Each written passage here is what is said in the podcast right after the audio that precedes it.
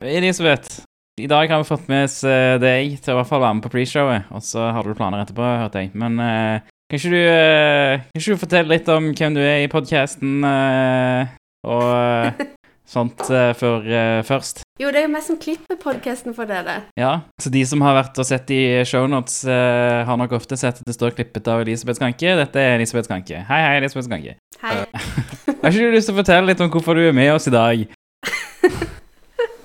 Jeg tenkte kanskje det var bedre at jeg fortalte det sjøl. Jeg følte jeg kom litt bedre ut av det da. Ok, Så det er en liten story bak det her, da. Ok, Så jeg våkna. Jeg hadde, jeg hadde vært våken lenge. Så når jeg våkna, så var jeg drittrøtt. Og så våkna jeg til en melding av Vetle som sier han ikke får fjerna brukeren min på Mac-en sin fordi at jeg har aktivert Find my iPhone. Og så tenkte jeg ja, jeg kan jo bare logge inn på iCloud og fjerne det med en gang. Så er i halvsøvne, logger inn på iCloud, finner Mac-en til Vetle, og så trykker jeg på denne eh, knappen så han, kan, han får spilt av en lyd, bare for å være gøy. Og så trykker jeg videre på slett Mac, og så trykker jeg videre og videre, og så driver jo Apple og er sånn her Å, du må bekrefte med to trinn-verifisering, og så tenkte jeg at herregud, Apple er så overdramatiske. Jeg skal bare fjerne den fra iClouden min. Og så trykker jeg videre gjennom alt det her dritet de får meg til å godta. Alle advarslene. Alle advarslene om hva som kommer til å skje, liksom! Og det var så mange advarsler, jeg skjønner ikke hvorfor. Jeg tenkte de var jævla overdramatiske. Så jeg trykka bare gjennom alt, og så plutselig så sender Mette melding. Popper det opp på telefonen min. Yo, what the fuck? Så tenker jeg Hæ, fikk han først den lyden nå? Den der plingen jeg gjorde i starten, den trodde jeg først han fikk. Og så tenkte jeg at det var jævla lang delay på den. Og så skrev jeg hæ, hva da? Og så skrev han du sletta nettopp hele Mac-en min. Og da så jo jeg på mailen jeg hadde fått, og det som sto på skjermen min, at det står Your Mac is now deleted. Du sendte du, Jeg skrev 'yo, what the fuck', og så sendte du meg akkurat et screenshot av at du hadde sletta den. Altså du, du, som, som liksom verifiserer 'yo, jeg har fjerna den fra iTunes', og så står det i tillegg Du har fått en notification på toppen på, på Gmail der det står 'Starter tømming av Mac'. Ja, det det er så jævla dumt. Og jeg ser jo det nå, når jeg er våken, og ja. Så, så det var jeg hinta om på, på Twitter uh, for uh, litt tid siden om at uh, forrige episode var noe treig pga. datatap. Det var dette datatapet det var snakk om. Så er det jo min feil, da. Dette er jo en lekse i å sette opp backup. Uh, og jeg bare hadde ikke gidda å sette opp uh, backup, for så vidt. Jeg hadde ikke kommet så langt med nye Mac-en. det? Mye Mac-en. Jeg har hatt den i snart et halvt år. Men uh, altså, et halvt år for så er det ganske nytt. Pst, kan sette backup for det har gått et år, liksom. Uh. Du ble rett og slett utsatt for Elinaware. Ja. Elinaware. Shit. Elinaware. Elinaware. Men det var, det var ikke noe ransom, det var bare ware. Altså, det, det, Hun skippa hele den jeg skal ha betalt-biten. Det var bare jeg wiper. Elinaware er vel en ny strain med wiperware, basically. Ja. Her er det ikke noe interesse om å ransome. Det er bare wiping. Det er bare kynisk straffing. Grenseløs kynisk eh, straffing. Men hvis flere av dere vil at jeg skal registrere Apple-produktene deres på iPhonen min, så bare si ifra. Det er ikke noe risk. Det går bra, faktisk. Jeg forstår ikke hvorfor hennes konto på min Mac, som var en standard brukerkonto, ikke en admin-konto, kan wipe hele maskinen. Det virker ikke også, Hvorfor skal han wipe det, når det sitter en annen bruker pålogga på maskinen, som òg har aktivert Find my Mac? Og uten noe warning. Jeg skjønner det ikke. Nei, jeg skjønner heller ikke helt. Ja, for det var det liksom sånn For det første, hvorfor kan du wipe maskinen? Det andre, hvorfor fikk ikke du, Vetle, muligheten til å trykke nei takk, på en måte, eller et eller annet sånn Altså, det er jo bra at man kan remote wipe. Det er jo kjempebra. Uh, det er jo en god feature. Men, eh, men det virker som de har bare tatt den ifra iPhone, som er et eh, single user system, og så har de uh, putta det på Mac. Og så har de bare fortsatt å beholde den der single user system-tankegangen sin. Men det virker Apple blir bare dårligere og dårligere på multi-user-støtte. Så det er ikke så rart at det, det her er helt uh, fucka i forhold til multi-user heller. Så Jeg ser jo eh, helt klart potensial her. Det er jo ikke noe vits å utvikle ransomware til Mac når du bare kan bruke uh, Find my iPhone. Altså, Darkside og disse aktørene her burde jo tenke litt nå. Det er jo bare å bruke Fama iPhone. Og bare skrive at da, hvis du ikke betaler noe, så wiper jeg dritten med appen Fama. Enkelt og greit. Du kan ikke stoppe det på noen som helst måte. Nei, nei, og jeg vet at den brukeren jeg logga inn, var sånn én gang, og sånn, men det, det driter jeg i. Jeg. Jeg har kontroll. Jeg ser jo den derre overs... Altså at mangelen på overskridning fra liksom Vetle sin side, det er jo sikkert en eller annen sånn Noen som har tenkt at ja, hvis den blir stjålet, som er liksom hovedfokuset her, så er det nice å kunne liksom wipe den uansett, sånn at en angriper ikke skal kunne sitte der og liksom trykke nei, nei, nei, nei, nei, nei. Ikke, ikke wipe den her før jeg er ferdig med å dump all the hashes, liksom. Men Ja, det er sant. i 90% av tilfellene så er det jo typ sånn kidsa da, som wiper jobbmaskinen til pappa og sletter alle tingene og ja. Det burde ikke gå, på en måte. Det kunne vært en sånn 30 sekund timer, da. Skriv inn passordet ditt på Apple-ID-en din. Kanskje ikke Ikke 30 sekunder. 30 sekunder er lite. Det er stress å skrive passordet sitt på 30 sekunder. Er det bare Maskinen blir wipa om fem minutter, typ red alert, hvis du ikke stopper den, liksom, med typ Ja. masterbrukeren eller noe sånt, da. Ja, lo logg inn i, i iClouden din og bare kansellere dette, eller et eller annet sånt. ja, det var weird. Det var instant. Det var liksom Idet Sikkert idet Elisabeth trykka, så bare ble skjermen svart. På tiende gang. Det var ikke noe sånn der en fin sånn der animasjon, transition eller noe sånt. Det var ikke noe sånn Apple eh, pent eh, skal det være. Det var, eh, det var bare svart. Og så, eh, så dro jeg ut eh, strømkabelen right away. Som fucka opp hele partisjonstabellen på eh, Mac-en, så for å fikse den så måtte jeg koble til en annen Mac for uh, å restore den og hele pakka. Det var kjempedust. Nye Mac-er er, er weird. Ironien i det her er at hver gang du skal åpne en tredjeparty-app eh, på MacOS, da, så må du jo go eksplisitt godkjenne det. Men at en bruker som har logga inn en gang, kan wipe hele dritten, det er greit! Det går fint. Men for guds skyld, du må ikke prøve å kjøre en app som ikke er signert, eller noe sånt. Liksom, nei, nei, nei, da må du inn i tilgjengelighet og godkjenne og gi tilgangreier. Men har du logga inn en gang, jo da, bare wipe, det går fint. Forskjell på availability og eh, integrity. Sant?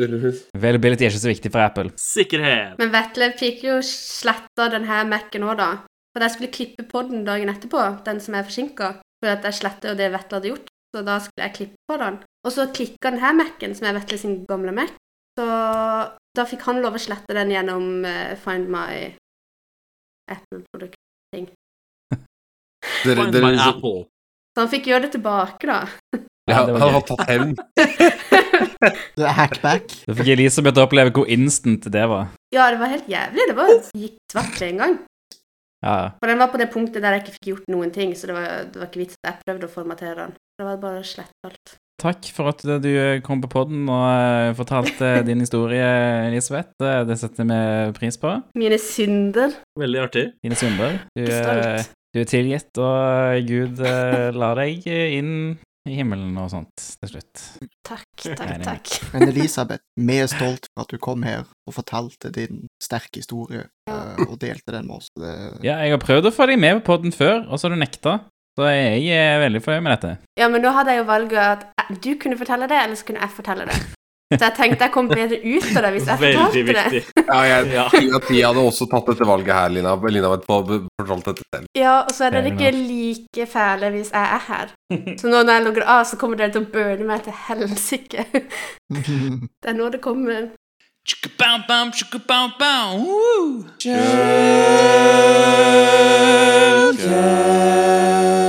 Hei, og velkommen til episode 0x21 av Shellcast. Jeg heter Vetle, jeg jobber som pentester, og du finner meg på Twitter som at bordplate. Dette er Eirik, jobber som penetrasjonstester, og du finner meg på Twitter som 0xsv1.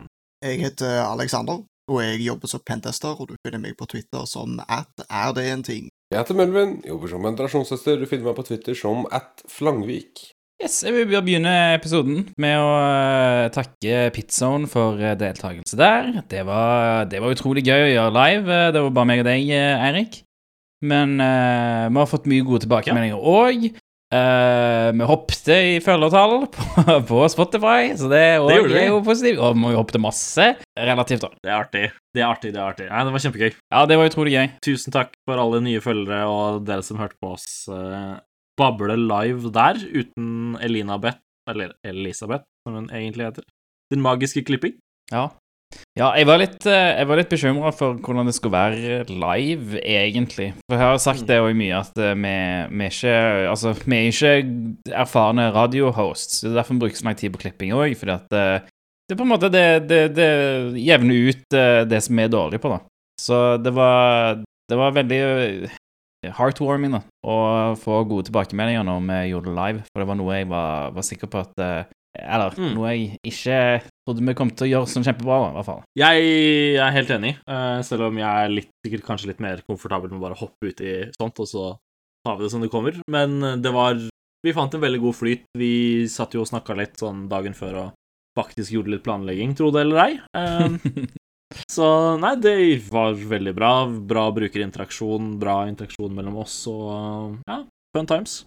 For de som lytter på denne episoden av en eller annen grunn ikke har hørt på forrige episode, fy skam, eh, så hadde vi en eh, liten deltakelse på PIT Zone, er, eller PIT Zone, som er politiets IKT-tjenester sin interne fagdag, eller fag... eh, Hva skal man si? Fagkon konferanse som de kjører over, eh, over en uke, da, faktisk. Eh, I hvert fall den, den eh, varianten her, som hvor det da er PIT som står for kompetansedeling innad i politiet. Men det er ikke bare PIT. Det er Kripos og de forskjellige sertene og masse forskjellig. Det var gøy. Det var vel i overkant av 200-230 folk eller noe sånt som hørte på, tror jeg, på, på Teams. Det var gøy. Ja. ja, det var Ja, det var alltid over 200, i hvert fall, så vidt jeg eh, så. Det er jo artig. Det er veldig kult. Mm. Så takk for det. Vær så god. Men jeg fikk et lytterspørsmål som jeg om eh, Som jeg og Aleksander snakka kort om uh, forrige episode. Uh, og, og sa at vi tar det heller opp uh, seinere når vi er litt flere folk. Fordi at det, det er et GDPR-spørsmål, og vi er vel egentlig ingen av oss som kjemper på GDPR. Men eh, det er gøy å, å, å snakke kort om det uansett, tenkte jeg. Så det er et spørsmål fra OK, eh, OK Tune, holdt jeg på å si. eh, OQ-tune i, eh, i Discord som, eh, som sier kanskje dette kunne vært en diskusjon i podkasten. Siden det nå er tre år siden GDPR kom inn i bildet, hva er statusen hos norske bedrifter? Følger spillereglene?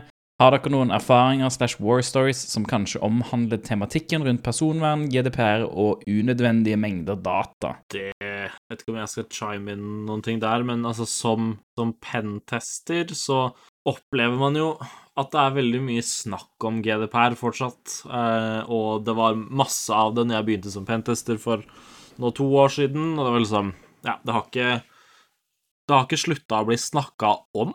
Eh, jeg vil vel kanskje si at det ser litt bedre ut, og fokuset er liksom Det er, det er åpenbart at mange bedrifter har tatt det seriøst, men det er nok i praksis for å være compliant, og jeg som veldig mange andre, på en måte gutta på gulvet, sånn teknisk sikkerhetsfolk, eh, caller vel ofte bullshit på det å ha Det å være compliant med hva nå enn krav eh, er liksom ikke noe Altså, det betyr ikke at du faktisk er sikker, eller at du er sikra hva nå enn det er snakk om.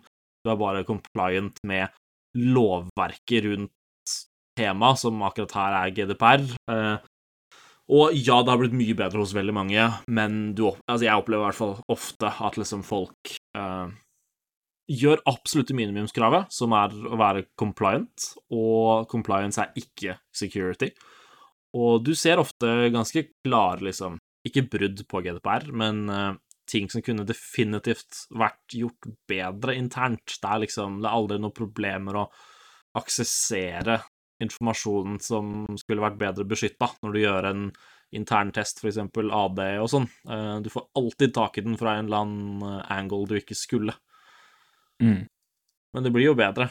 Absolutt, det vil jeg si det har blitt. Men det, bare de siste sånn to-tre ukene så har det vært sånn tre-fire norske bedrifter og eh, institutter og saker som har vært i nyhetene og fått eh, bøter av Datatilsynet for brudd på GDPR.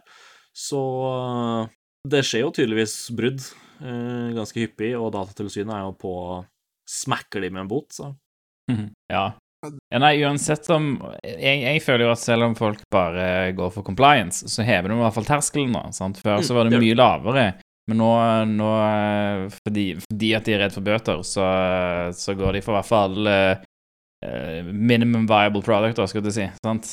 Uh, det er jo en, absolutt. eh, en trend, det, da.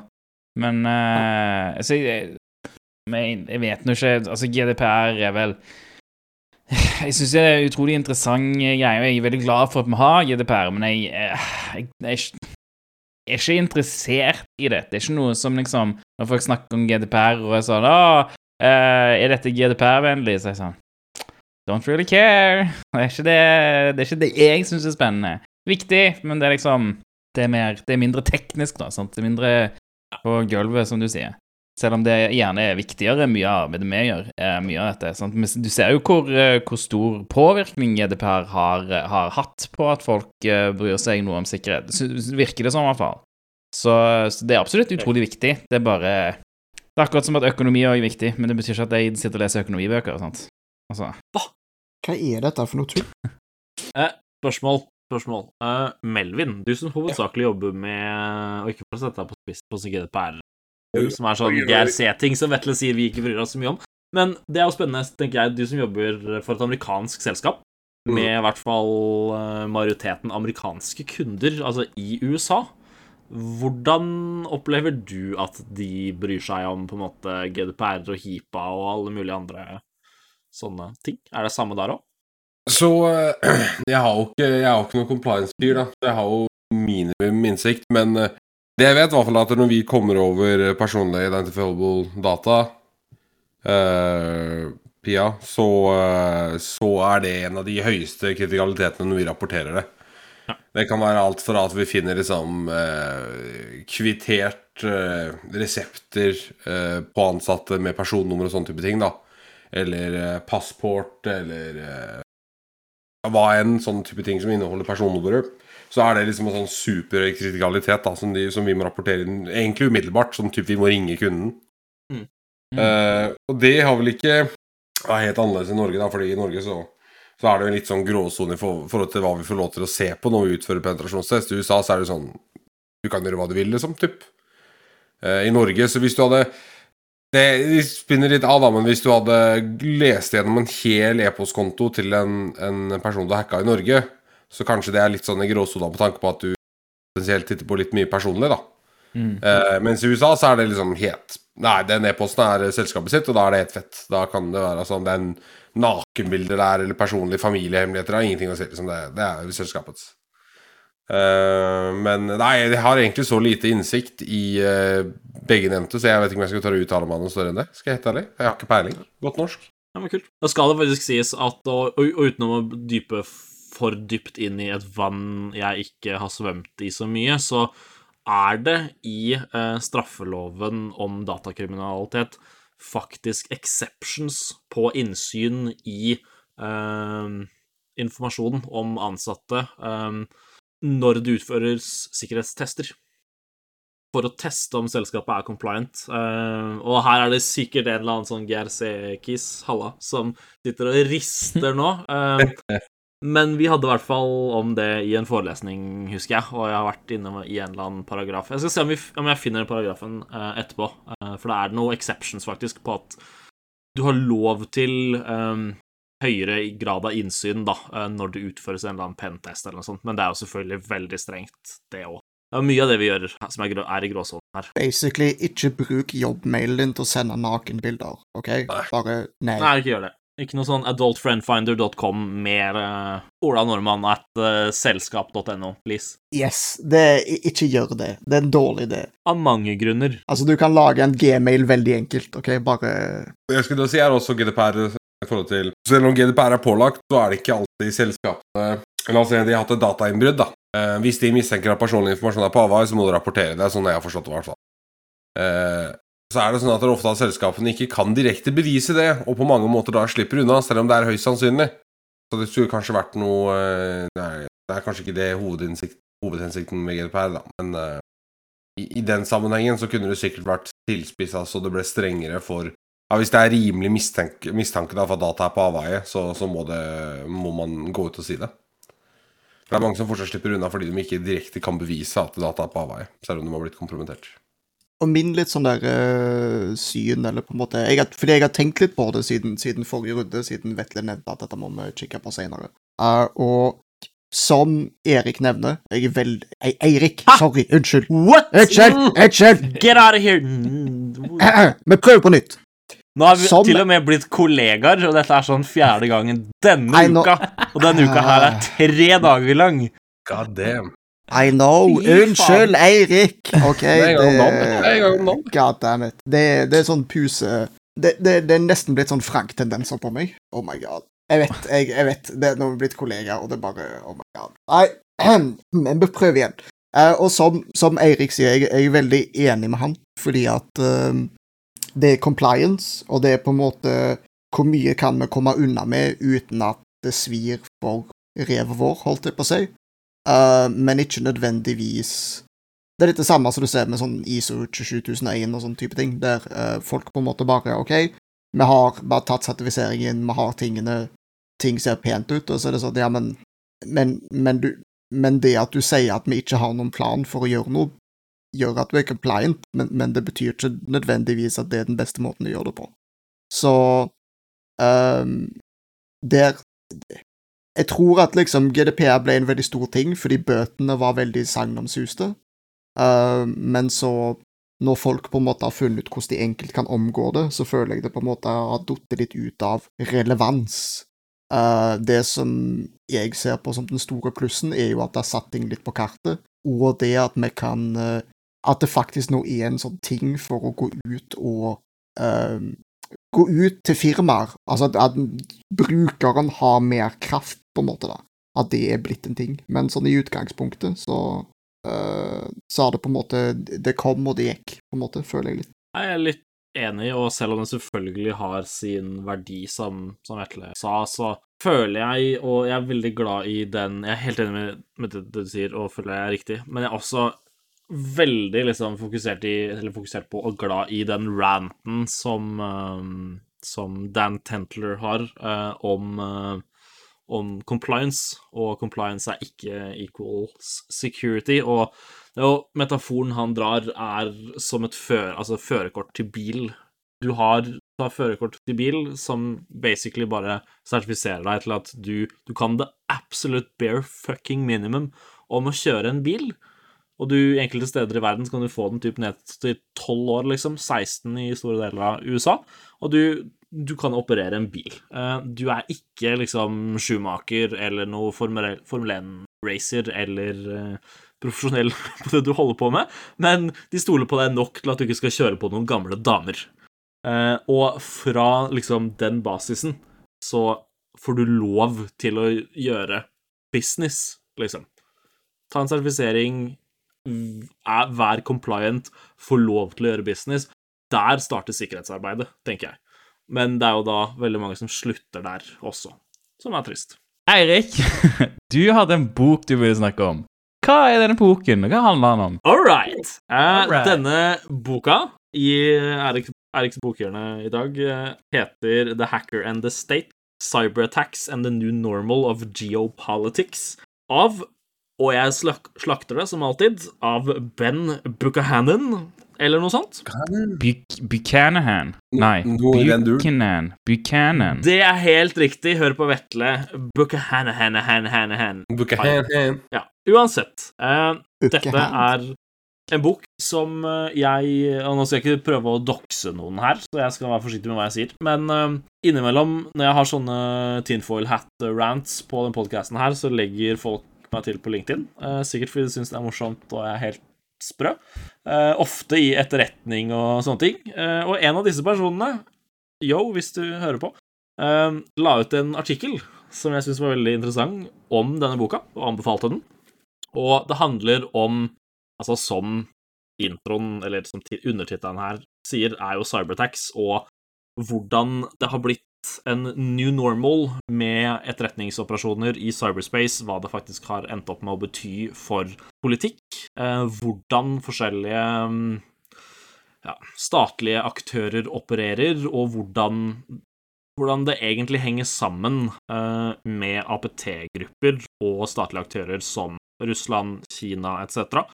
Og han på en veldig fin og veldig sånn forklarlig måte eh, dissekter og forteller om, med veldig god innsikt etterretningsmiljøer, eh, hvordan sånne operasjoner skjer, hva slags følger det egentlig har eh, i politikk og altså innflytelse på samfunn og sånn, og er sånn halvveis teknisk og halvveis eh, ja, hva skal man si, informativ og beskrivende. Men forfatteren, altså Ben Bukahanahanahan Hana Hana Han, Buchanan. Buchanan! Det, ah, ben Buchanan. Det må være det. har uh, tydeligvis veldig mye erfaring og innsikt i det her, og det har blitt brukt veldig mye ressurser og hva skal man si, kilder uh, ganske dypt inni i mange forskjellige nasjonaliteter og, og etater. Uh, og, det, og det er ikke informasjon som liksom er kanskje sjokkerende og nytt, kanskje spesielt for oss, men folk som har sikkerhetsjobber som ikke er liksom så inne i pentesting og red-teaming og APT-grupper og følger med på Infosec-Twitter, så er det en veldig god bok, og det er interessant å se på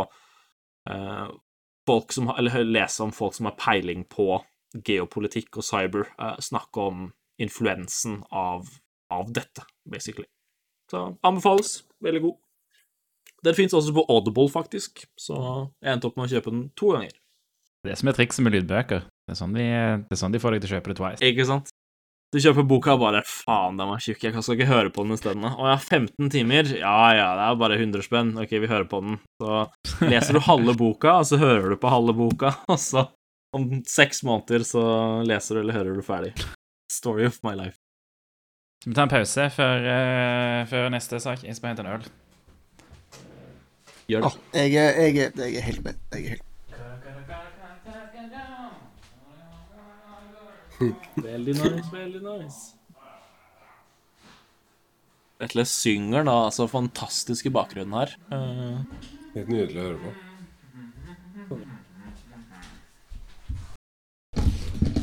All right, da var vi alle, alle på plass igjen.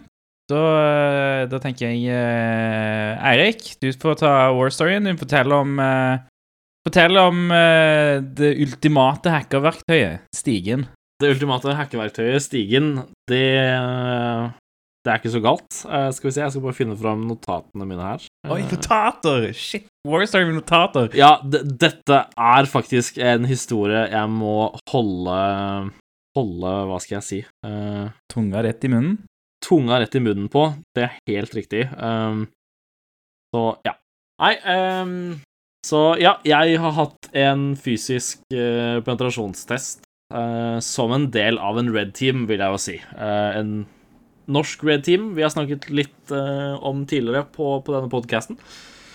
Hvor vi denne uken gikk inn i, hva skal jeg si, altså fysisk fase. Dette er en kunde som har gitt oss basically blank sjekk, stjerne, altså wildcard scope, og en del av det de ville ha, var fysisk penetrering og wifi-test, for å kvote kunden.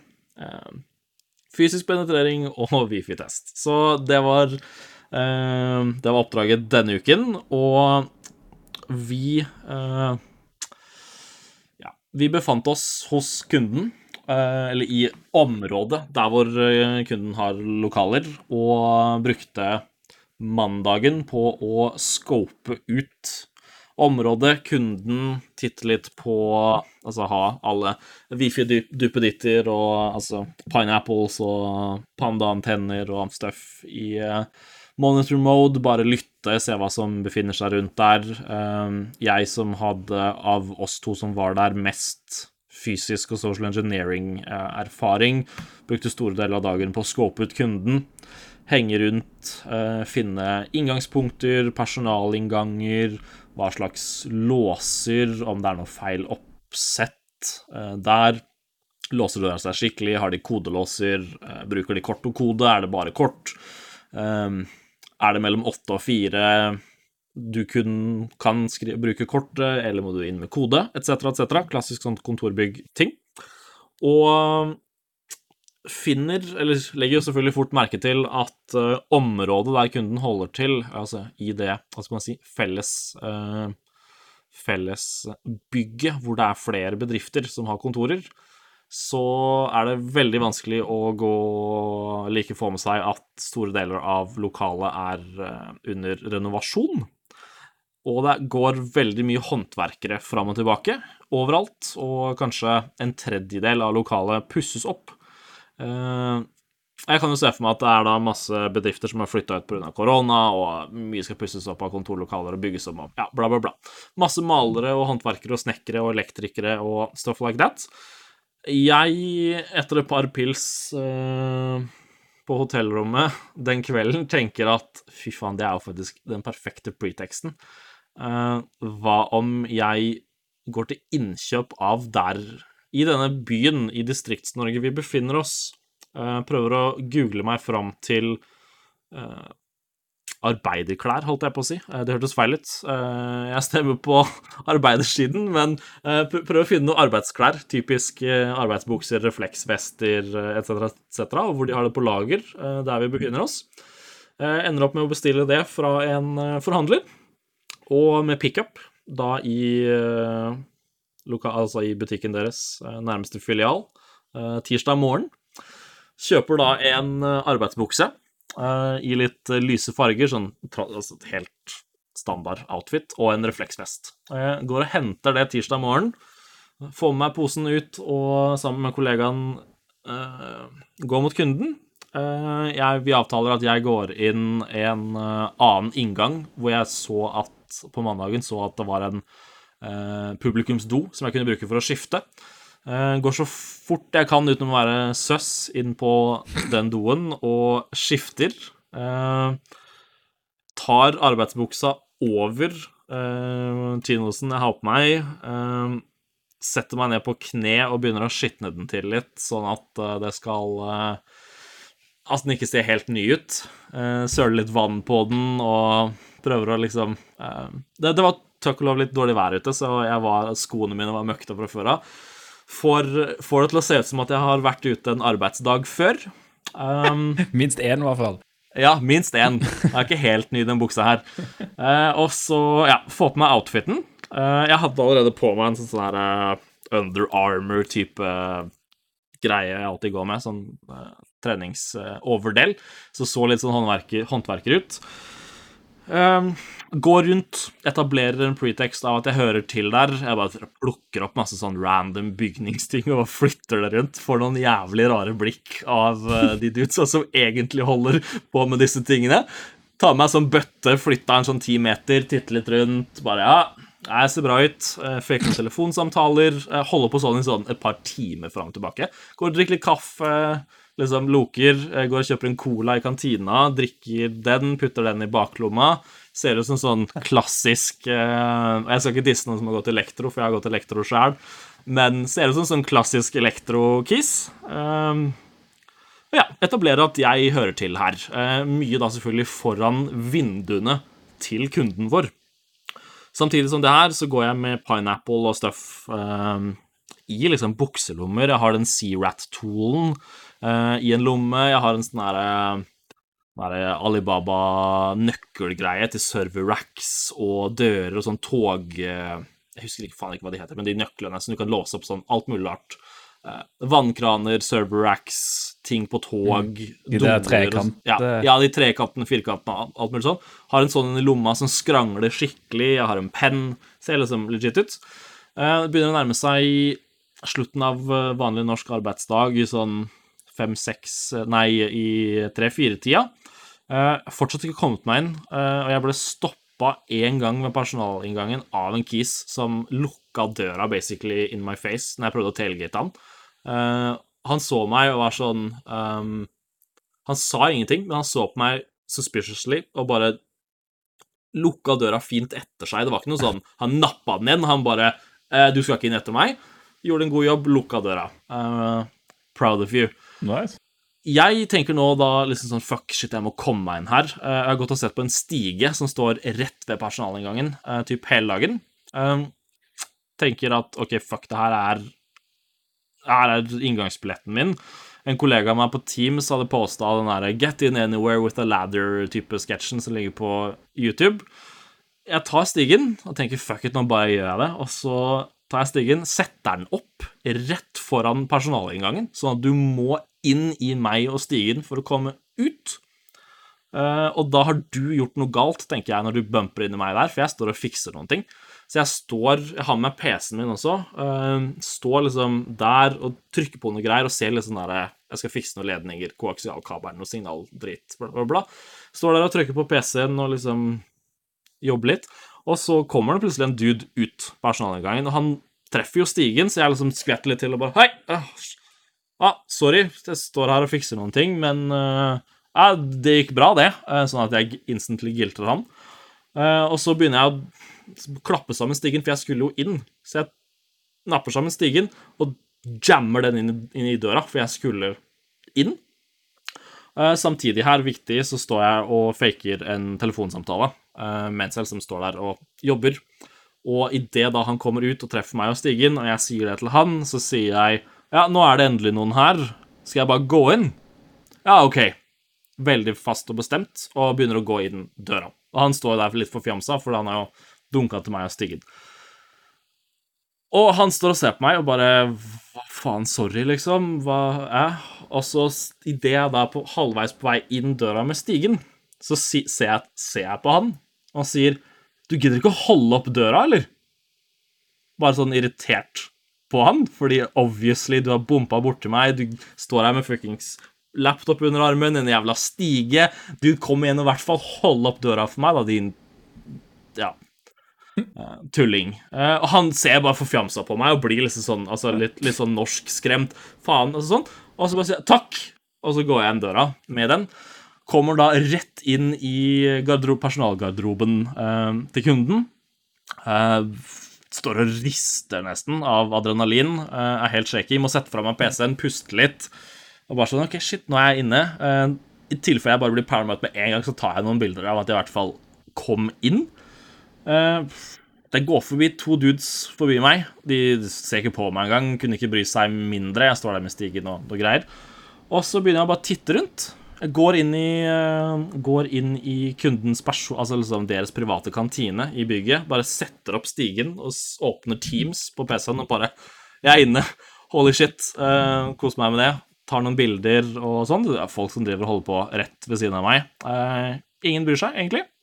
Og så Men da er liksom i den litt mer public-delen av deres kontor. Jeg går og titter litt rundt, har stigen under armen, bråker litt og sånn. Eh, Kommer rundt et hjørne, ser at eh, serverromsdøra er åpen. Så går jeg bare rett bort dit, setter fra meg stigen, slår den opp. eh, Står og tar bilder med mobilen.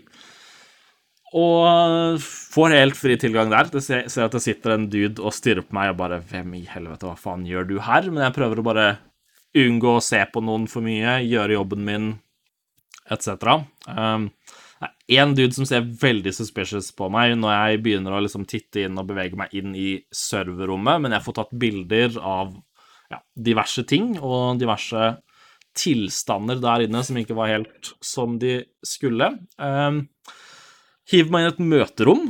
Sitter der og Fordi det var en dude, han ene duden begynte å bli veldig suspicious, så jeg bare faker en telefonsamtale igjen, går inn i et møterom i lokalene deres som var ledig, lukker døra og faker en telefonsamtale og begynner å se på Wifien igjen.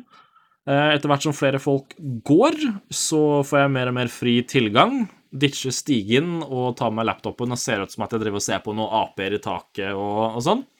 Eh, Det er et par folk helt fine med. Og så finner jeg et hjørne i sånn der klassisk cubicle eh, cubicle-del, og det er ganske godt inne i kontoret deres. Finner, finner jeg noen cubicles, setter meg helt inn i hjørnet der og begynner å titte på, på laptoper, maskiner som er der, ta bilder av ting, dokumentere hva jeg har tilgang til.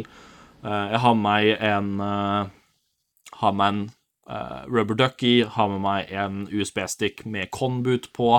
Eh, begynner å boote opp litt forskjellige maskiner, plugge inn for litt forskjellige ting, dokumentere tilgangen man har, og at man kommer inn. Eh, sitter ufor, eller er totalt uforstyrra kanskje inne i lokalene i en halvannen times tid før eh, jeg sender en mail til kontakten vår, altså basically get out of jail free-cardet vårt, eh, og spør Hei, når er det alarmen skrus på, på Altså, er det noe alarm, og når går den på slash skrus på på kvelden? Han sier at han ikke har helt styring på det, men den går vel på rundt etter arbeidstid. Eh, ikke mer enn sånn tre minutter etter det så går lyset, og jeg får helt panikk. Eh, skrur av maskinen jeg sitter ved, og napper ut duppedittene, tar med meg stigen og går mot utgangen. Rett utenfor utgangen så står det en kollega av meg eh, og liksom tar imot litt ting, men han kommer inn. Og idet han går inn døra sammen med meg inn i garderoben deres, så kommer han fyren som skrudde av lyset, og lurer på hvem vi er, og jeg sier at jeg leid inn for å se på noen AP-er. Eh, skal du gå nå, eller liksom, hva, hva er problemet? Han bare Ja, skulle jo egentlig det, da. Jeg skal akkurat på å sette på alarmen, jeg, så det var bra jeg så dere. Og han er flink, det skal jeg si. Han stiller noen gode spørsmål. Han lurer på hvilket selskap vi kommer fra, hvorfor vi er der så sent på dagen, eh, hvem vi har snakket med og sånne ting. Jeg gir han et navn eh, som stemmer ut ifra det, altså preteksten med å se på AP-er. Han sier 'Å ja, OK, mm, kult. At, hva mye tid trenger du?' Jeg sier sånn f- Siden du skal gå nå, sånn fem minutter, eh, så sier han 'Det skal jeg klare', og så går han. Jeg ser på kollegaen min og bare Vi må ut. Get the fuck out med en gang, liksom. Eh, så jeg snakker litt høyt og sier sånn Ja, OK, der er, den, eh, der er navnet på AP-en, ja. Mm, ja, nei, den ser bra ut, den. La meg bare titte på den andre her, bla, bla, bla. Uh, liksom legitimerer at vi er der, uh, og så sier Nei, vi får komme tilbake. Og så går vi ut. Uh, det han da hadde gjort, var jo å ringe Ah, personen jeg name-droppa. Shit. Eh, personen jeg name-droppa, visste om testen, eh, så vedkommende hadde bare sagt at å ja, nei, hæ, eh, det må ha vært noen misforståelser, eller det kjenner jeg ikke noe til, eller noe sånt. Vi får be de komme tilbake, eller noe. Eh, da eh, løper jo vi typ så godt vi kan, altså løper ikke, men går så godt vi kan eh, bort derfra. Jeg setter liksom tilbake igjen stigen, eh, går rundt hjørnet på bygget, skifter ut av denne jævla arbeidsbuksa, dytter ned i sekken, prøver å få bort alle suspicious looking ting, og ehm, ja, vi går bort derfra ganske fort. I løpet av sånn kvarters tid så får jeg en mail av eh, SISO i selskapet som jeg fikk en telefon angående noen, noen som skulle inn og se på noen aksesspunkter. Nei, det, det vet, vi, ikke noe om. Jeg bare ah, Nice. Ok, da har faktisk sagt ifra. Eller altså, han hadde fått beskjed av han som han andre ringte til, eh, og at det var artig. Um, det som jeg bet meg merke til og liksom kommenterte tilbake var jo at vi var ikke på vei inn, vi var på vei ut. Og jeg hadde vært der inne i halvannen time um, uten å bli stilt noe spørsmål ved direkte, eh, og sendte han et hyggelig bilde av serverrommet og tilgangen.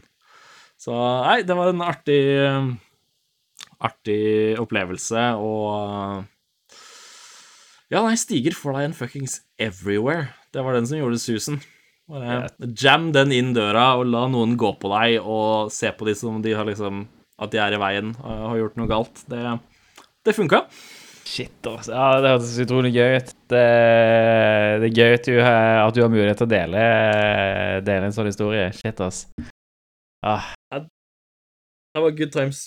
Good times. Det, kollegaen min sa og påpekte at eh, jeg fikk det til å høres enkelt ut når, eh, når vi på en måte hadde debrief og satt og rista og tok noen pils, men eh, det, altså, det, det var det ikke. Og jeg svetta og rista, og telefonen min kom med sånn derre violently shaking causes blurry photos uh, når jeg skulle ta bilder, men uh, det var uh, det var adrenalin i bildet, det var det definitivt. Men veldig gøy, veldig kult, og kunden var jo kjempefornøyd med det. Og vi fikk liksom Det var det, typ det de ville sjekke, om noen faktisk kunne komme seg inn, liksom. Og tilganger de kunne få. Så good times.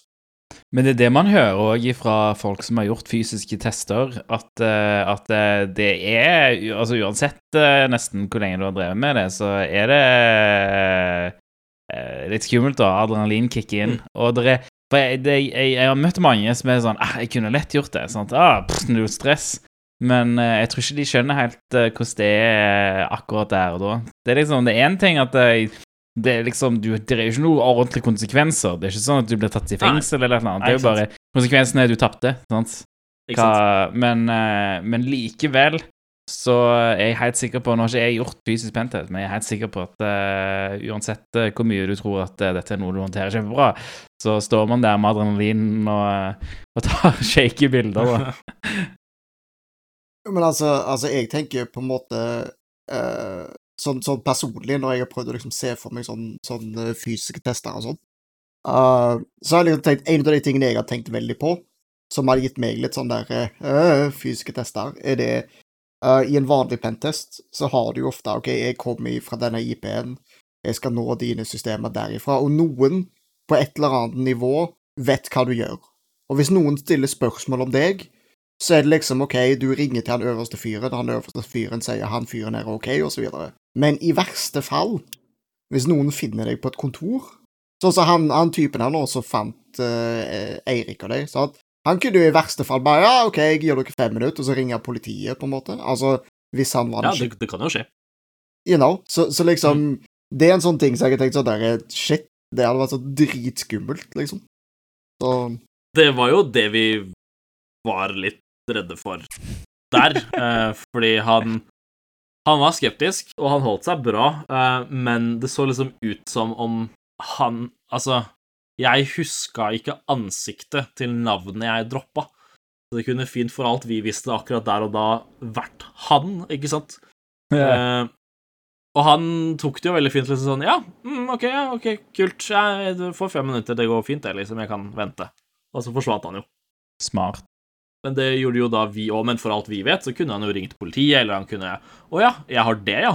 Eh, og så liksom gått breibeint og prøvd å stoppe oss, liksom, for eksempel, og dere skal ikke være her, eller noe sånt. Men mye av grunnen til at man kommer inn, og mye av grunnen til at man på en måte kan overkjøre folk med et sånn type, hva skal man kalle det, kostyme og, og getup på en stige og sånn, er jo at nordmenn er veldig konfliktskye, og så lenge du ser ut som at du hører til, så er det bare greit. Jeg har jobba mange år i butikk, og jeg aner ikke hvor mange ganger det bare har kommet en eller annen dude med en stige inn og skulle se på rør eller kameraer eller whatever, og du bare I don't give a fuck, kjør på, liksom. Um, ja, så ja. Når du, er, når du sitter på kontoret og bare gjør jobben din, og du ser en eller annen dude med stige, liksom, som står og fikser på et eller annet i taket du, De fleste går ikke bort og spør 'unnskyld meg, hvem er du, og hva holder du på med', liksom. Det er ikke den norske kulturen. Um, så jeg forstår det jo, uh, men uh, de hadde alle sammen fått en mail i dag som jeg forsto det, og blitt informert om uh, og kanskje passe litt bedre på hvem de slipper inn personalinngangen, uh, selv om det er en håndverker. absolutt. Jeg delte forresten Jeg la til lenke til YouTube-videoen uh, Can you get in anywhere with a ladder i shownotes. Og så så jeg i en av kommentarene I'm surprised Hitman developers didn't think of putting a ladder in their game. Det var jævlig bra. Jeg tenker jo det var rart nesten at der, eh, ikke noen av de håndverkerne som faktisk eide den stigen, begynte å lure på hva faen du gjorde med den stigen.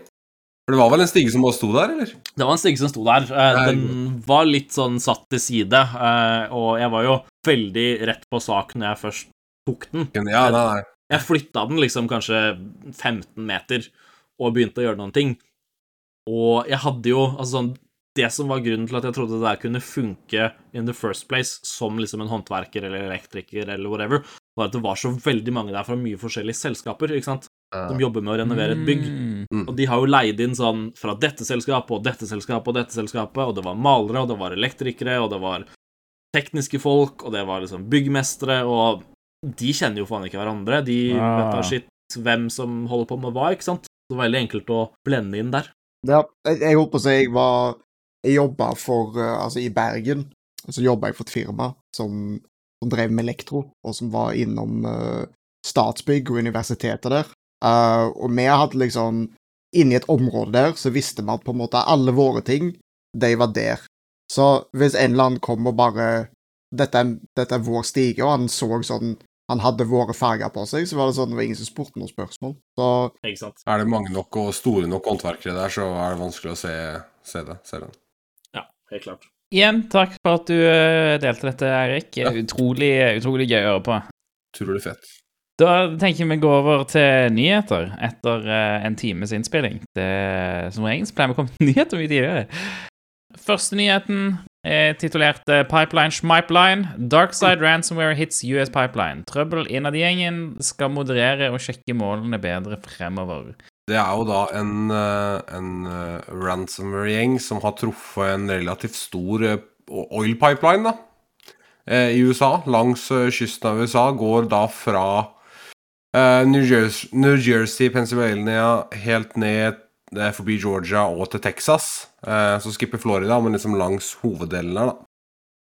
Eh, og det er da ransomware-gjengen Nikka Darkside, uh, som da selvfølgelig er kjempefornøyd med all oppmerksomheten de har fått. Nei. Uh, jeg titter da på på Star Krypton Security, som snakker om det her. Og det er jo da Det flole, floleler Det florerer jo bilder på Twitter av personer som driver og hoarder bensin på bensinstasjoner. Tynner opp kanner og bøtter og alt som fins.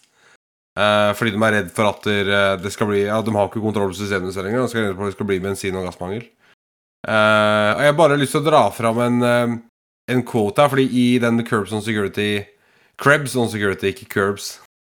Krebs on Security-posten så har han med en dialog da mellom et tidligere victim av Darkside og Darkside. Ikke, ikke pipeline nå, men et tidligere victim.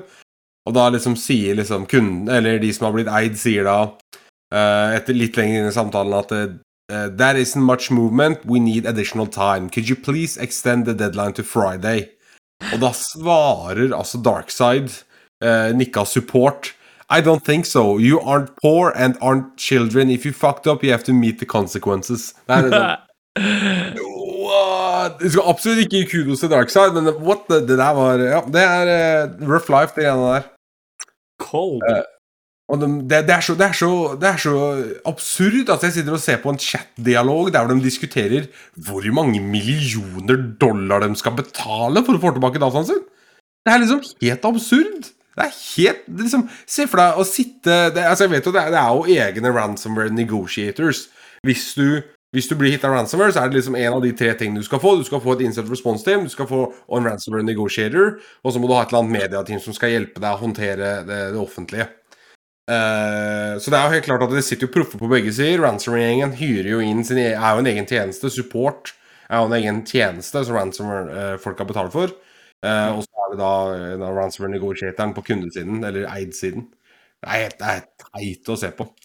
Jeg liker at de har, de har spurt uh, De har sagt uh, til Darkside Some information online says your group steals data. Did you steal our data? Og så har de svart yes. Punktum. Yes, that is, uh, that is our business. Det, er- det er hvordan vi gjør det riktig. Det står det, dere. Og så eh, har det da kommet ut eh, en, eh, liten announcement fra Darkside. Jeg regner med at det er en av de mange sikkert forskjellige Tor-nettsidene de eier, som de har posta da på, der de skriver at de, We are apolitical. We do not participate in, in geopolitics. Do, uh, do, det er litt broken English her. Do not need to tie us with the defined government and look for other, other our motives. Our goal is to make money and not creating problems for society. From today, we introduce a moderation and check each company that our partners want to encrypt to avoid social consequences in the future. Eh, Det de egentlig prøver å si, er at eh, vi fucka opp, vi fikk altfor mye oppmerksomhet, det her går ikke bra, og nå sier de at nei, nei, slapp av, vi skal bare uh, rape companies som ikke driver med olje og gass eller andre ting som kan påvirke society. Så we're the good guys. Ja, det er helt latterlig. Det er helt, det er helt absurd. Jeg, jeg forstår det. Dette, dette Altså, man, man er jo ikke kriminell ute i Altså, for, bare for gøy. Sant? Det er ikke sånn at du er sånn Ja, jeg skal bli kriminell når jeg blir voksen. Det er kanskje to stykker i et kull på hvert år som gjør det. Så, så jeg, Vi er jo kriminelle på gøy, er vi ikke det? ja, Jo, det er sant, men vi har lov til å være kriminelle. Det er bare å stikke sammen, det. Det er sant. Vi er lovlig kriminelle, vi. Vi bryter Ja, ja. inn steder med stiger og får betalt for det. Betal, godt betalte lovlige kriminelle. Men det minner meg på eh, når en, en rekke eh, enkeltpersoner i eh, Taiwan ble, ble ransomware, og, eh, og, og ransomet var, veldig høyt, da. Eh, og, og alle, på en måte, eller så mange av enkeltpersonene sa til ransomware-gruppen med Sorry, vi har ikke råd til å betale. Og til slutt så sendte den ransomware-gruppen ut en e-post til alle som, alle som hadde blitt ransoma, og så sa de hei, sorry. Vi, vi misforsto eh, den økonomiske situasjonen i Taiwan. Eh, beklager det. Her har dere eh, decryption keys eh, free. Eh, og det, det, det minner meg på en måte på at eh, de kriminelle er ikke kriminelle fordi at de, er, de ønsker å ødelegge for folk. sant? Det, dette det, Livet er vanskelig, liksom. Det, er folk som har lyst til å eh, Som må tjene penger. Man må jo ha penger. Og, og dette er på en måte det som skjer, da. Jeg synes jo på en måte at de burde Jeg synes jo de burde stå i det. Fuck it. Om det, altså, om det er geopolitisk skandale, eller eh, hva faen det er. Det Teori, altså sånn helt, I teorien så har de jo mer pull, da. Hvis de hadde kjørt skremselspropaganda nå på at hvis ikke de her betaler, så får ikke dere bensin eller gass eller sånn, liksom, så hadde de jo lagt, eh, lagt mer trykk der det gjør vondt. Eh, men ja. I- Jo, men, men fordi at det, dette er en sånn ting jeg tenker på når jeg hører alle disse. fordi at det var litt der jeg kom inn i den der pipeline-tingen, at FBI sa at eh, de hadde vært eh, de hadde vært, de hadde vært snille gutter. Men jeg tenker, altså i mitt hode så tenker jeg at OK, dette er image. Dette er liksom Dette er Dette er cover our asses. Fordi at hvis du ser den harde Sånn som du sier fra den chatmeldingen, så kjørte de jo en skikkelig hard Sånn liksom Nei, driter dere på draget, så må dere Altså, så type sånn der Er du med på leken, så må du smake steken. Selv om den leken er ransomware. Uh, men Men, you know, sant? Så det er sånn derre For meg så virker det bare som om på en måte sånn derre Å å ja! Fikk vi masse Ødela vi for mange mennesker? Eh, ko- kom, kom. Er disse meldingene fra denne Nei. kunden Altså, er det fra denne pipeline-kunden, eller er det fra tidligere? Nei. Det er fra en Fra tidligere, Okay. Ok, Mm. ja. mm. Jeg synes det, men uh, dette er litt sånn uh, førstelinjens drøm, da. Hvis du jobber på førstelinje, hvis du hadde hatt lov til å si You aren't poor and you aren't children. If you fucked up, you have to meet the consequences. Det er en fantastisk ting å ha lov til å si som førstelinje. Helt enig. Eh, jeg føler det er viktig å påpeke her det som har blitt sagt i ja, i Vice, eller Mother, som ja, er Vice.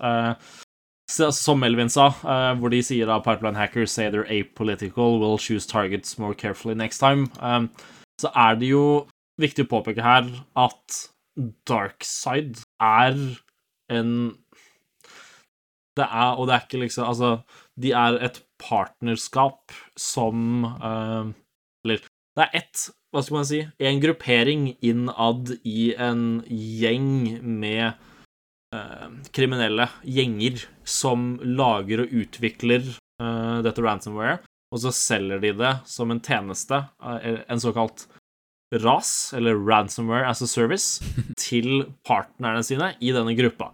Så se på det som ransomwares frimurere, eller hva nå enn du betaler for access, og så får du henge med de kule gutta. Og de folkene som tydeligvis liksom er, hva skal jeg si, dark side, eller liksom er den innerste sirkelen her, var tydeligvis ganske ufornøyd med hvordan dette ble håndtert og skjedde nå. Uh, og det er jo de som har gått ut og sagt at uh, vi kommer til å gjøre bedre checks på på en måte våre kunder og partnere igjen.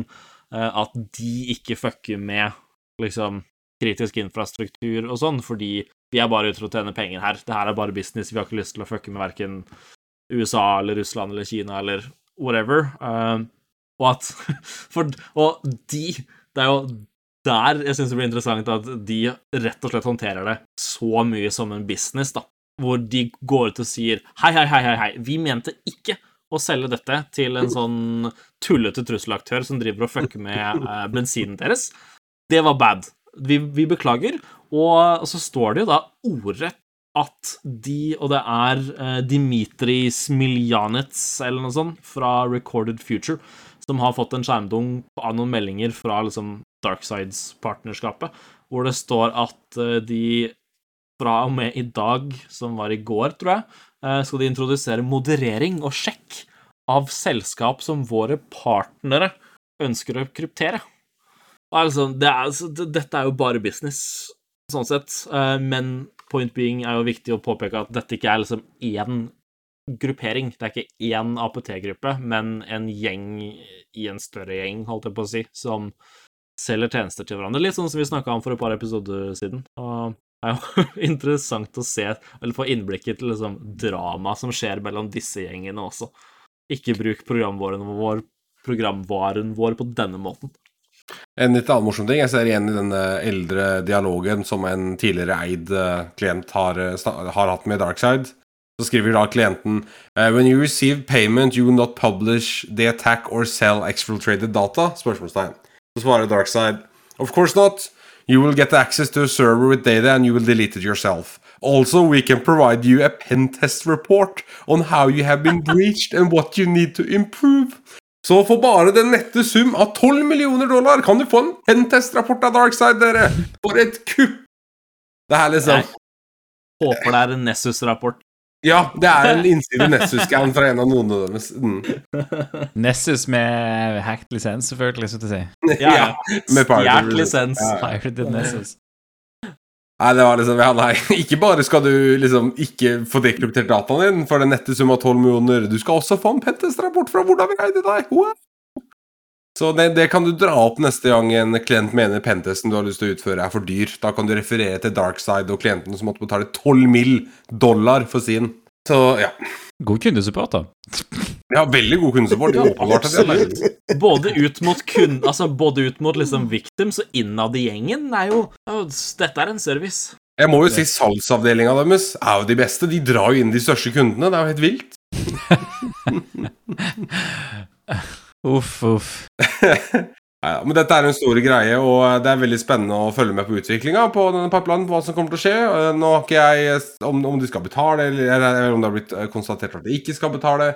Eh, og det er jo Jeg vet jo at Chris Dale har veldig mange spesifikke meninger på det her. Og eh, realiteten er at i mange tilfeller så ses selskapene seg nødt til å betale. Selv om det er veldig dumt, fordi du funder kriminell aktivitet. Aktivitet, faktisk. Aktivitet, helt vanvittig. Men mange selskaper ser seg nødt til det eller gå dundas.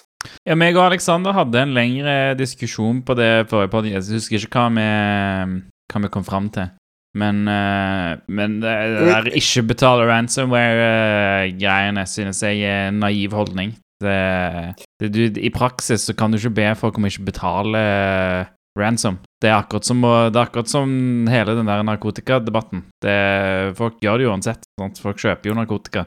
Og eh, det er akkurat det samme med ransom. Hvis du eh, folk, folk betaler for dataen sin uansett om det er lov eller ikke. Sånn er det bare. Ja, for jeg, for jeg tror det egentlig var det vi, vi kom fram til, at, at problematikken er ikke at Altså, OK, si de gjør det ulovlig, så bare sånn Ja, ja, men da De rike finner en eller annen måte å gjøre det på uansett, eh, og så hvis en skal gjøre det uansett, hvorfor ikke bare la de få lov å gjøre det på en lovlig måte, og så Ja. Ja, nøyaktig. Det, er, det, det, det hjelper jo ingenting, sant? Hvis, hvis folk Poenget med og poenget, Nå er vi jo over på den lovgivningsgreien nå, men poenget med det lovgivnings... eh, Å si liksom i loven det er ikke lov til å betale ransom uh, på ransomware det, Poenget med loven er jo at ingen At da er det ikke noe business. Sant? Da er det ingen som betaler. Da er det ikke noe vits å ransomme noen, fordi at uh, det er ingen som betaler. Men i praksis så vet man jo at folk kommer til å betale, og da kommer jo òg ransomware til å bestå. Så da er det jo ikke noe poeng i loven lenger. sant? Det Jeg, jeg synes det er en veldig clear cut-sak, sak, da. Her er det jo også viktig å tenke på de selvfølgelig liksom Altså societal type damage. Uh, det å Jeg leser her på, på axios.com at liksom the big picture av denne pipelinen er at selskap Altså denne ransomware-greia eh, som skjøtta ned disse fuel pipelinesene, er jo at Colonial Pipeline, selskapet det er snakk om, eh, står for 45 av fuel supplies i the eastern US. Eh, og det er snakk om 5500 miles of pipeline som har blitt berørt og skjøtta ned det her. Eh, og det har jo utrolige eh, ringvirkninger på Altså på stokkmarkedet, altså på, på aksjer, aksjene til selskapet, på fuel prices, altså internasjonalt. Hvordan vi har sett i media at folk får helt dopapir-koronatendenser, og det er milevis med kø for å kjøpe bensin, liksom. Og det har jo potensielt ekstremt store eh, følger, da. Kun, hvis, og, og, og ikke minst med at de Det er snakk om, hva, hva var det? Eh, 30-40 millioner dollar eller noe sånt som de tapte daglig på at eh, det var nede.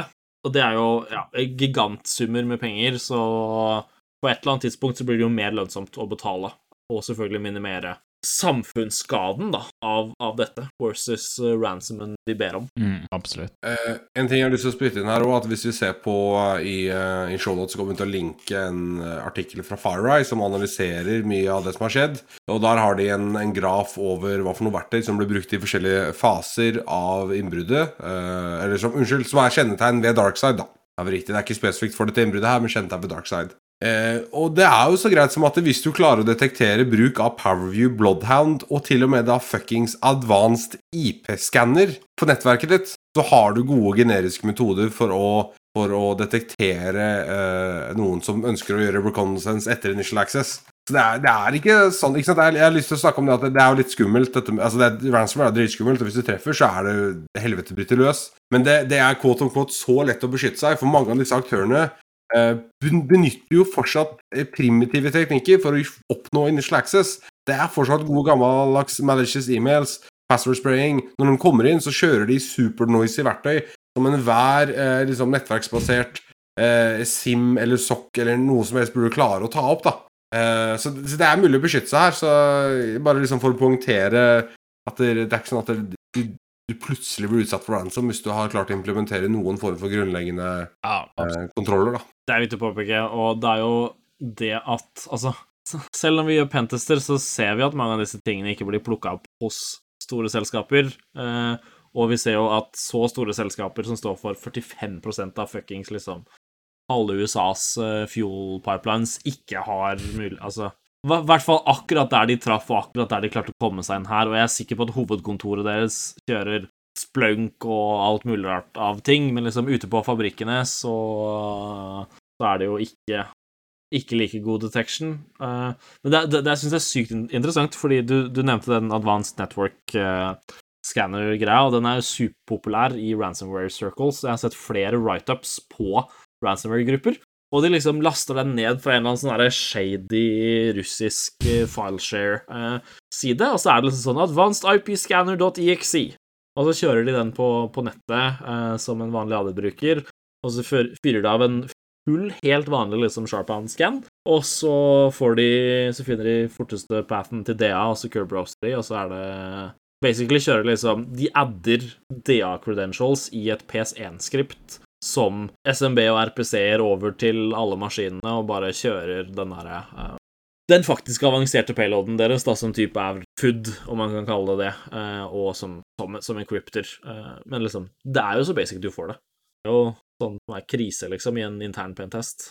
For, for, det er det jeg liksom lurer litt på her. Når jeg satt og så på den casen her, så tenkte jeg i utgangspunktet at dette i mitt hode, siden det er oil pipelines osv. Fordi det er veldig interessant det du sier om at hovedkontoret deres har sikkert dritbra security. Men dette er jo operational technology. Sant? Dette er jo industriell teknologi. Og vi vet jo at industriell teknologi ligger et par hakk bak alt annet, så det kan jo være at de bare har hitta en eller annen sånn industriell teknologi dings, og så har de bare skjøtta ned hele systemet. Uh, så Det er sikkert servicekontoen til alle disse eh, OT-greiene som kontrollerer av og på, kjører så Altså, den har DA, den. Fordi leverandøren sa at det trengtes.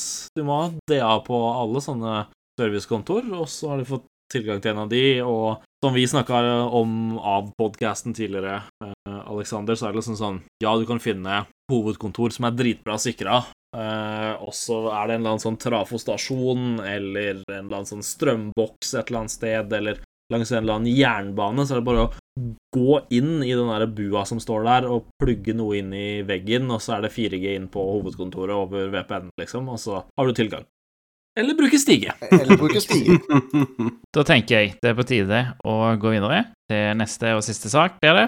Dette er vel Jeg vil ikke kalle det en gladsak, men det er en morsom sak. Uh, Syns jeg, i hvert fall. Det er at eh, NTNU, NTNU de har valgt å lære bort uh, personvernfaget på en praktisk måte. De har, de har Så de har hatt en, en, en ikke bestått slash bestått oppgave i, i, Code Warrior, så vidt jeg forsto. Og, og, og, noen da har, har, lagt ut hele den listen nå over fullt navn og bestått slash ikke bestått på deres Learning Management System, som, heter, som heter Blackboard. Så uh, alle elever kunne se alle andre elever som hadde bestått slash ikke bestått uh, i et fag uh, som inkluderer personvern. Jeg, jeg, det, det, dette er kun en sak fordi at dette emnet Fordi at faget i seg sjøl har personvern seinere. Dette For dette fordi at, I faget nå så handler det ikke om personvern. Nå handler det om jeg regner med kodesikkerhet, siden de bruker Code Warrior. Og, eh, men, men det er fortsatt morsomt, da. Og så er det så jævla trist òg. Jeg kan forstå at du som lærer liksom sitter og Du har listen, og så skal du laste opp et eller annet, og så laster du opp feil, og så er det sånn ah, fuck, sant. Og så er det dette faget, da. Altså, du, ja, for du sitter jo bare med et verktøy som du har fått beskjed av sjefen din om at du skal bruke. Sant? Altså, du, eh, altså, du, får jo ikke nødvendigvis lov til å plukke på den løsningen. Sant? Så, så sier da at uh, Ja, eller som du sier, du skal laste opp et eller annet, og så bare Å ja, da lasta jeg opp feil, eller backenden expose et eller annet. Sant? Så er det liksom Ja, OK, hva skal du gjøre med det? Du har bare fått en løsning som skolen har kjøpt, liksom. Så Mm. ja, men det er litt ferdig. Ja, Det er litt ferdig likevel. Ja, nei, det det er trist når det er Når det er sånne fag, sant. Du, du forventer jo på en måte at TDT 4237, programvaresikkerhet og personvern, heter faget. Nice. Så man forventer jo på en måte at det er det faget der personvern glipper. Det er ikke personvernglippen, liksom. Hallo. Jeg syns det er veldig morsomt. Det er veldig Det er morsomt. Og det er heldigvis bare til Altså, per def, da, siden det er opplasta på Blackboard, så må det jo være bare for de, på, på det faget, da, så må det jo være bare de 314 andre studentene i samme klasse som kan se det. Det er ikke verdens verste liksom, personvern-blunder, hvis man kan si det sånn. Nei. Hvis ikke jeg husker feil, så er ikke dette første gangen vi på denne podkasten har kommentert at en skole som, eh, som frontesikkerhet har eh, har eh, hatt store sikkerhetsproblemer. Så, så, Det er helt så det er jo en ting, da. Verken første eller siste. Garantert. Nettopp, nettopp. Ikke ende opp på denne podkasten. Ta Ikke. sikkerhet seriøst. Ja. Åh, åh, skal vi bli en sånn Wall of Shame-podkast? Det hadde vært funny. Vi har allerede fått kommentarer på at vi er i overkant negative til tider, så jeg tror å ha en Wall of Shame-del av podkasten Drar vi Nei, kanskje ikke. Kanskje ikke. Kanskje ikke. kanskje ikke. Vi skulle hatt en Wall of uh, Fame. Ja, det er det vi skulle hatt. Ja. Ja. Når, du sier det, så begynte jo podkasten med å shame Elinabeth, da. Så jeg vet ikke om dette Denne podkasten er hovedsakelig negativ, så vi burde ha noe å offsette negativiteten med. Vi må få inn noe positivt her. Vi, lover at vi i framtida ikke skal targete olje. der, da.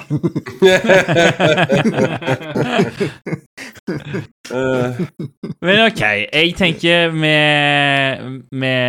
summerer opp uh, de ressursene vi har delt med hverandre den siste uken. Så her kommer Shell Resources. Eh, Først og fremst så har vi noen ressurser på uh, dette US Pipelines. eh, On East Coast Hacked. Det er annet eh, en artikkel fra FireEye, som Erik snakka litt om.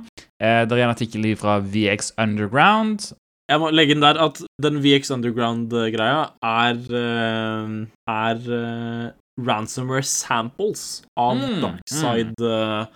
Det er VX Underground som har på sin uh, temp-folder, og kjapt dere, jeg vet ikke om den er der engang lenger når denne episoden kommer ut, men eh, det er samples av Darkside ransomware. Nydelig. Last det ned i en VM. Vær forsiktig, please. Men ja, er du interessert i uh, threat intelligence og ransomware og reversing og sånn, så er det samples. Microsoft har en eh, Tech Community-artikkel om nye Azure AD capabilities for conditional access and Azure VMs. Så hvis det er interessant, sjekk ut det. Og så er det en artikkel om uh, Sorry, det er en eh, Black Hat Asia 2021 uh, ja, er, det bare, er det en training om eh, domain borrowing? Catch my C2 traffic if you can. Nei, det er en talk på En talk. litt research rundt å bruke CDN-er for å gjemme C2-trafikk. Og så til slutt så er en YouTube-video om hvordan en dude hacka de nye Apple AirTagsa til å kunne sende arbitrary data over eh, et nettverk av iPhones, basically. Det er utrolig interessant, så anbefaler jeg å titte på det òg. Ellers så vil jeg nevne igjen at vi har en kanal på Norsex in Discord. Så uh, gå til, gå til shownotes, join oss på Discord. Når du har joina discorden til Norsec, så gå til hashtag information, klikk på mikrofonikonet i rolleposten for å tildele deg rolle, sånn at du får tilgang til Shellcast-kanalene. Og det, det var alt om rakk for denne gang. Så hvis du har noen spørsmål eller noe bidrag, hvis du har noen uh, kule war stories vi kan fortelle, vi forteller gjerne war storyen din. Det er ingen som har sett oss war story noen gang, men jeg fortsetter å fortelle det, fordi at uh, vi kan anonymisere. Hvis det er noe du har sykt lyst, noe du tenker ah, det var sykt gøy, noe som var teit på jobb, noe du fiksa på jobb, uh, anything, send det til oss. Vi kan lese det opp både anonymt eller ikke anonymt. Si fra om du vil ha det ikke anonymt. Med default til anonymt. Eh, send oss en e-post på podcast at 5h3ll.sh, eh, eller send oss en DM på Twitter, eller at oss på Twitter. Der er vi at 5h3llcast. Takk for at du hørte oss skravle. Vi lyttes igjen neste uke. Det er greit at jeg bailer, eller? eh nei. Nei. Jeg tror ikke det. Hvis du Nei. beiler, så vet jeg ikke om hele session Jeg vet det, jeg må kansellere det, så egentlig så har vi ikke så mye after, da. Nei, men det går greit. Vi, vi løser et eller annet. Kanskje dette bare være aftershow. Dette Dette er aftershow. Dette er aftershowet, og Melvin kansellerer det. Fordi han må gå. Oh my god. Ja, men det er greit. Da, da I'm gonna hang up on you guys. Hei. Hei. Sånn.